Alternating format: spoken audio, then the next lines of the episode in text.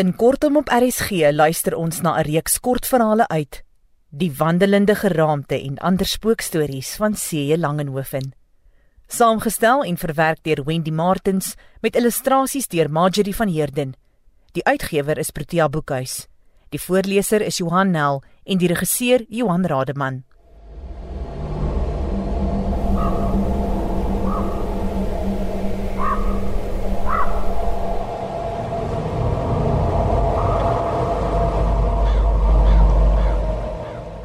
Klein swap in die spook.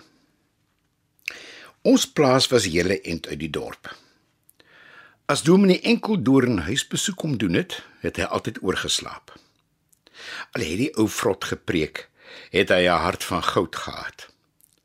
As iemand swaar gekry het of siek was, was Dominee Enkeldoorn daar. Hy's 'n herder wat sy skape oppas. Almal was hulle in droomland dan het ek en hy nog gesels oor alles en wat en uiteindelik ook oor spooke. Hierdie is een van die stories wat hy my eendag vertel het. Baie lank gelede het daar net swape op aarde gewoon. Eendag daag daar onverwags 'n wyse man op. Hy deel sy wysheid met die bure en hul kinders en almal wat hy teekom. Omdat wysheid so aansteeklik is, is daar kort voor lank net twee swape oor. 'n Pa met die naam Ou Swaap en sy seun Klein Swaap. Op 'n dag roep Ou Swaap vir Klein Swaap. "My tyd is besig om min te word, my seun," sê hy. "Ek los jou hier met 'n swaar hart." Van ons swape se ryk geskiedenis is daar net stories oor. Al is jy reeds aangetast deur hierdie nuwe guur wat hulle wysheid noem, is jy my enigste hoop. Dit is jou plig om ons swape se erfenis hier op die aarde te laat voortleef. Ek sal enige iets doen om pa gelukkig te maak, sê klein swaap hartseer. Sê maar net Dit is so goed as gedaan.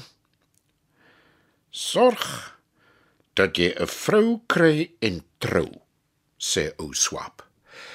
En sorg dat jou kinders soos regte, egte swape grootgemaak word. Sorg dat die verpesting van wysheid ver van hulle af wegbly.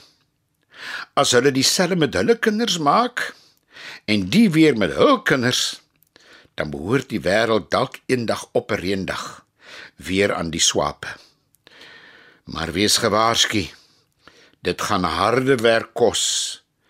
Die wysheid is verleidelik en die mensdom kies altyd die maklikste uitweg.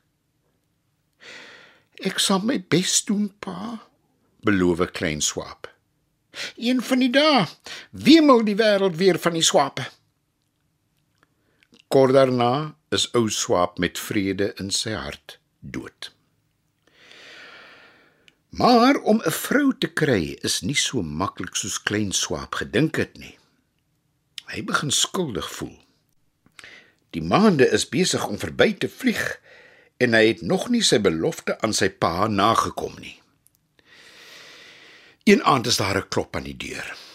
Dis 'n vreemdeling wat slaapplek soek. Klein Swaap nooi hom in. Die twee kuier land en sand. Nie lank nie of klein swaap vertel die vreemdeling van sy probleem. "My liewe mens," roep die vreemdeling uit. "Jou probleem is so te sê opgelos. Ek weet waar 'n baie mooi en gawe meisie bly. Leen vir my jou beste klere, jou motor en al die geld wat jy het en ek gaan haal haar vir jou." Jy verstaan tog dat ek nie met leë hande daar kan opdaag nie. En nie by 'n meisie met 'n skare vryers nie. Altes seker, sê klein swap. Al is ek 'n swap, het my pa altyd gesê, hy vrees ek het iewers in my kop 'n bietjie verstand. Ek kan verstaan dat 'n mens nie sonder sulke dinge by so 'n oulike meisie kan opdaag nie. 'n Paar dae later val die vreemdeling in die pad met klein swap se klere en motor en geld. Die dae word weke en die weke word maande. Hey, so vryery neem daarom lank, sug klein swap. Maar dit seker nie so 'n eenvoudige saak nie. Daardie aand is daar weer 'n klop aan die deur. Dis nog 'n vreemdeling wat slaapplek soek. Klein swap nooi hom ook in. Die twee kuier ook land en sand. Nie lank nie of klein swap vertel hom ook van sy trouplanne. Al wat hy nou kan doen is om te wag vir die bruid om gebring te word. My liewe mens, roep die vreemdeling uit. Jy sal hier sit en oud word. Daardie man is 'n bedrieër. Hy het self met die meisie getrou. Hoe kon jy die eerste die beste vreemdeling wat aan jou deur klop sommer so vertrou? Toe klein swap dit hoor, bars hy in trane uit. Hy huil nie oor sy klere en motor en geld nie, maar oor sy belofte aan sy pa wat hy nog nie nagekom het nie. En hy huil omdat dit sy skuld sal wees as die swape uitsterf. O, oh, maar gelukkig is jou probleem so te sê opgelos, sê die vreemdeling. Ek weet waar 'n meisie bly wat mooier en gawer en ouliker as die eerste een is. Gee my jou beeste en skape en perde. En jou waans en masjinerie en die kontrak van jou plaas. En voor jy kan sê swap, bring ek jou bruid. 'n Paar dae later val die vreemdeling in die pad met Klein Swap se laaste besittings. Klein Swap gaan sit in die pad en wag vir sy bruid om vir hom gebring te word. Die dae word weke en die weke word maande. Klein Swap moet kos by verbygangers bedel om aan die lewe te bly. Een aand kom daar 'n derde vreemdeling in die pad af. Die is 'n spook. Maar klein Swap is so desperaat dat hy nie omgee vir wie hy sy storie vertel nie. Die spook is so omgekrap vir klein Swap se part dat hy sy voorkop teen die grond kap en vlamme blaas. Toe hy uiteindelik tot bedaring kom, vee hy die stof en klippies van sy bleek gesig af, spoeg 'n paar koeltjies uit en sê vir klein swap: "Jy sal hier sit tot jy 'n garante is. Daardie tweede vreemdeling is ook 'n bedrieër. Hy is self met die meisie getroud." Die slegte nuus is net een te veel vir klein swap. Hy bars in trane uit en huil die spook se beenrige skouertjie sopnat. Toe blaas hy sy neus in die spook se wit jas. "Nee, Sis man, raas die spook. Het jy nie maniere nie? Klein swap huil so dat hy niks hoor nie. Toe klein swap uiteindelik bedaar het, sê die spook: Dis alles jou eie skuld. Jy het klaar jou les met die eerste vreemdeling geleer. En toe gemaak jy sowaar dieselfde fout met die tweede een. Droog nou jou trane af. Alles sal regkom. Ek weet waar 'n meisie bly wat baie mooier en gawer en ouliker as daardie ander twee is. Ek sal haar vir jou gaan haal om mee te trou. Ek het niks oor om vir jou saam te gee nie, snik klein swap. "Ai tog," sê die spook en skud sy kop. "Lyk ek vir jou soos 'n skelm. Ek wil niks van jou hê nie." Gee my net jou liggaam. Hoe anders dink jy gaan ek na die meisie vry? So is die spook dan daar weg met klein swap se liggaam. En vandag nog swerf klein swap as 'n spook op en af in dieselfde pad waar hy te vergeefs vir sy bruid gesit en wag het. Net af en toe hoor 'n eensame reisiger hom huil omdat daar nie meer een enkele swaap op aarde oor is nie. Of is daar?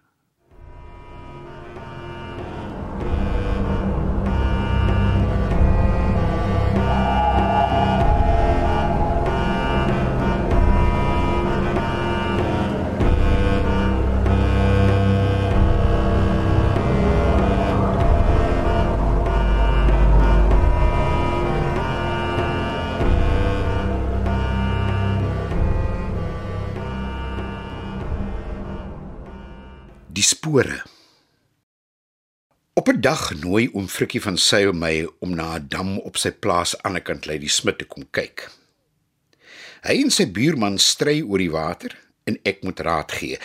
Nie omdat ek 'n spookwetenskaplike is nie, maar omdat ek in my vrye tyd ook 'n prokureur is. Hy kom laai my op en ons val in die pad. Ek verkyk my soos altyd aan die groen plasies en die wit huisies. Maar veral een plekkie steel my hart. Dis 'n juweel. Mens kry sommer lus om weg te loop en daar rus en vrede te gaan soek. Is heeltemal reg. Niemand sal jou daar pla nie, sê oom Frikkie. Die plek se naam is Geluksdal. Maar almal noem dit Ongeluksdal. Die familie wat daar bly was nog altyd net ongelukkig. So waar oom? Por ek wat onmiddellik 'n spook ruik. So waar as wat Paramandel sê. Daar is nog net 'n tweelingbroer en suster oor. Nie een van die twee is getroud nie. Hulle pas mekaar op soos goud. Maar kom ons stop eers en steek 'n vuur aan en maak 'n koppie koffie. En net daar langs 'n fontein in die skaduwee van die mooiste blou berge vertel oom Frikkie vir my hierdie storie. Die broer se naam is Gert. Hy's 'n dierbare mens en so getrou aan sy suster soos 'n hond aan sy baas. Ongelukkig is hy nie die slimste ou in die distrik nie. Mina, dis die suster, is van kleins af lamme na onderlyf. Maar met haar verstand maak keer daar niks. Sy bestuur die plaas van 'n rusbank of rolstoel af en Gert moet haar orders uitvoer. Dit was van kleins af so. Gert stoot vir Sussie Mina rond, maar is sy wat besluit waar Boetie Gert kan speel en waar nie. Nie een van die twee dink eens aan trou nie. Hulle is tevrede om by mekaar te wees. En Mina is mooi soos 'n engel in die hemel. Al is sy amper 50, kyk haar groot blou oë dwars deur 'n mens. Daar's net een probleem. Jy is amper te bang om terug te kyk. Dit voel kompleet asof jy in daardie blou oë gaan verdrink. Jy kan maar lag, Corneels. Ek het nog altyd 'n plekjie in my ou jong kerel hart vir haar gehad. Maar dis genoeg vir my om altyd welkom op Ongeluksdal te wees. Tot 15 jaar gelede was hulle 3 in die huis. Gert, Mina en Olma, tante Grey. Sy was by die 70 en het aan haar hart gelê. Die dokters het gesê sy moet haar stil hou. Sy mag nie eens klein entjies met haar kierie geloop het nie. Maar hoor is min. Sy sou eerder dood met haar kierie neerslaan as om heeldag in die bed te lê. Toe die kinders die kierie wegsteek, het sy opgestaan en daar sonder gewaggel tot sy in mekaar sak. Die dokters het haar vir 'n maand Heraldsbaai toe gestuur om te gaan rus. Gert en Mina is saam. En wie het hulle gevra om 'n bietjie handjie by te sit? Niemand anders as ek nie. Ek gaan met my waan tent. Gert en Mina en nou tante Grey hier 'n huisie. My waantent staan op 'n hoogte en die huis staan 'n hele end boontoe. Om by hulle te kom, moet ek met 'n styl kronkelpad tussen die bosse deurloop. Maar ek gee nie om nie. Daar kamp darme dokter De Wet op Victoria Bay. Dis die volgende baai en lê net aan 'n kant 'n kop. As die ou dame sieker word, kan iemand darm hulp gaan haal. Die drie geniet hulle gate uit. Mina se reistool staan van die oggend tot die aand op die stoep. As dit mooi weer is, slaap sy snags daar. Gert stap nou en dan langs die see, maar die meeste van die tyd sit hy ook op die stoep. Te bly dat Mina nie plaaswerk kan uitdeel nie. Maar jy moes die ou dame gesien het. Na 'n paar weke is sy soos iemand wat 10 jaar jonger is. Sy bly op en af met die kirietjie stap in en uit by die bosse. Gert en Minne moet net keer want sy wil teen die bult af strand toe loop. Toe dit tyd raak om op te pak, begin dit reën. 'n Hele week lank sjor die geute. Teen die Saterdag hou dit op, maar die wolke pak nog saam. Daardie aand trek hulle weg en die maan skyn helder. Ek loop in die kronkelpad na my vriende. My swart skaduwee loop voor my in die pad uit. My voetstappe maak chorts chorts in die modder. Die druppels skitter aan die takke. In die verte sien ek die hek en die huisie. Ek is skaars 20 tree van die hek af. Toe gaan hy oop. Maar daar kom niemand uit nie. Snaaks tog ek die wind waai mos nie. Die hek gaan weer toe en ek hoor hoe die skuiwer toe klik. Dis toe dat ek op die grond kyk. Van die hek af kom twee rye spore reguit na my toe aan. En al om die ander een is 'n ronde kolspoor soos 'n kieriesin. Hulle word duidelik in die nat grond getrap een voor die ander. Dis die stadige waggelstap van 'n ou mens. Hoor die sjoeg sjoeg van die modder in die korter tjoeksuig waar die kierie weer opgetrek word. Maar daar is niemand wat die spore trap nie. Geen voete nie en geen kierie nie. Omdat ek 'n skierige ou is, wil ek nie dadelik omvlieg nie. Maar ek is ook nie vreeslik op my gemak nie. Ek bly staan tot die spore by my is en draai uit sodat hulle kan verbystap. Maar hulle draai agter my aan en kom tot by my. Nou ja, sê ek vir myself, dan sal ek maar aangaan soos ek gekom het. Maar net toe ek die eerste tree wil gee, kom die een voetspoor tot teen my. 'n Hand vat my aan die arm. Dis maar bewerig en swak. Al wil ek, kan ek nie my arm wegruk nie. Dit voel net nie reg nie. Toe draai ek maar om en stap in die rigting wat die een aan my arm wil stap. Kort voor lank los die hand my arm, maar die spore loop effens skuins voor my om die pad te wys. En so stap ons verby my waan tent oor rotse en tussen kraanse deur tot op 'n verlate deel van die strand. Skielik skop ek teen iets wat in die vlakwater lê. Dis Gert. Ek kan in die helder maanlig sien dat sy been redelik gebreek is. Toe ek hom optel, skree hy van die pyn. Ek stap met hom so vinnig as wat ek kan en roep vir die mense wat naby my wa kamp om te kom help. My hemel Gert, sê ek toe ons hom in die tent op sy bed neerlê en sy been gemaklik maak. Hoe kom jy daar en wat het jou oorgekom?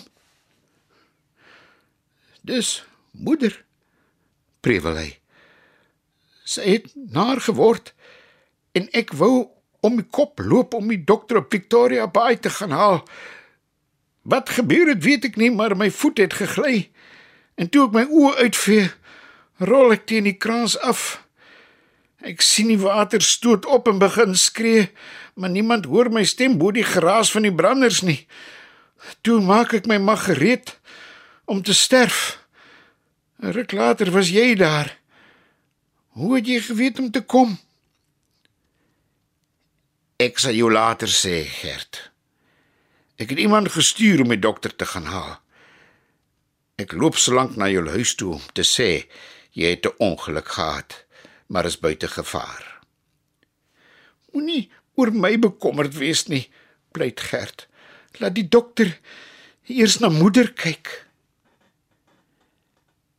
Ek kry dit nie oor my hart om vir Gert van die hand op my arm en die spore te sê nie en stap aan na die huisie. Mina wag by die hekkie. Ek kan sommer aan haar gesig sien daar is fout. Dankie tog jy is hier, sê sy. Moeder is oorlede en Gert lê iewers vir ongeluk. Toe maar troos ek. Jou ma se hart was moeg. Dit kan nou rus. En Gert is veilig in my tent. Hy het net sy been gebreek. Die dokter sal net nou hier wees. Maar hoe het jy van Gert se ongeluk geweet? Mina kyk na my met daardie groot blou oë. Gert was omtrent 'n halfuur weg. Ek was besig om moeder se gesig af te vee. Toe sit sy skielik kiers regop en sê: "Mina, daar val Gert. Hy gaan verdrink. Niemand gaan weet waar om hom te kry nie. Frikkie is amper by die hek. Gee my kierie dat ek hom gaan wys waar Gert is." Ek wil nog mooi praat, maar sy staan met haar laaste krag op. Toe sak sy terug teen die kussings en alles is verby. Dis toe dat ek die hekkie hoor oop en weer toe gaan. Sy het toe vir jou gaan wys waar Gert is. Net soos sy gesê het. Kiri en al.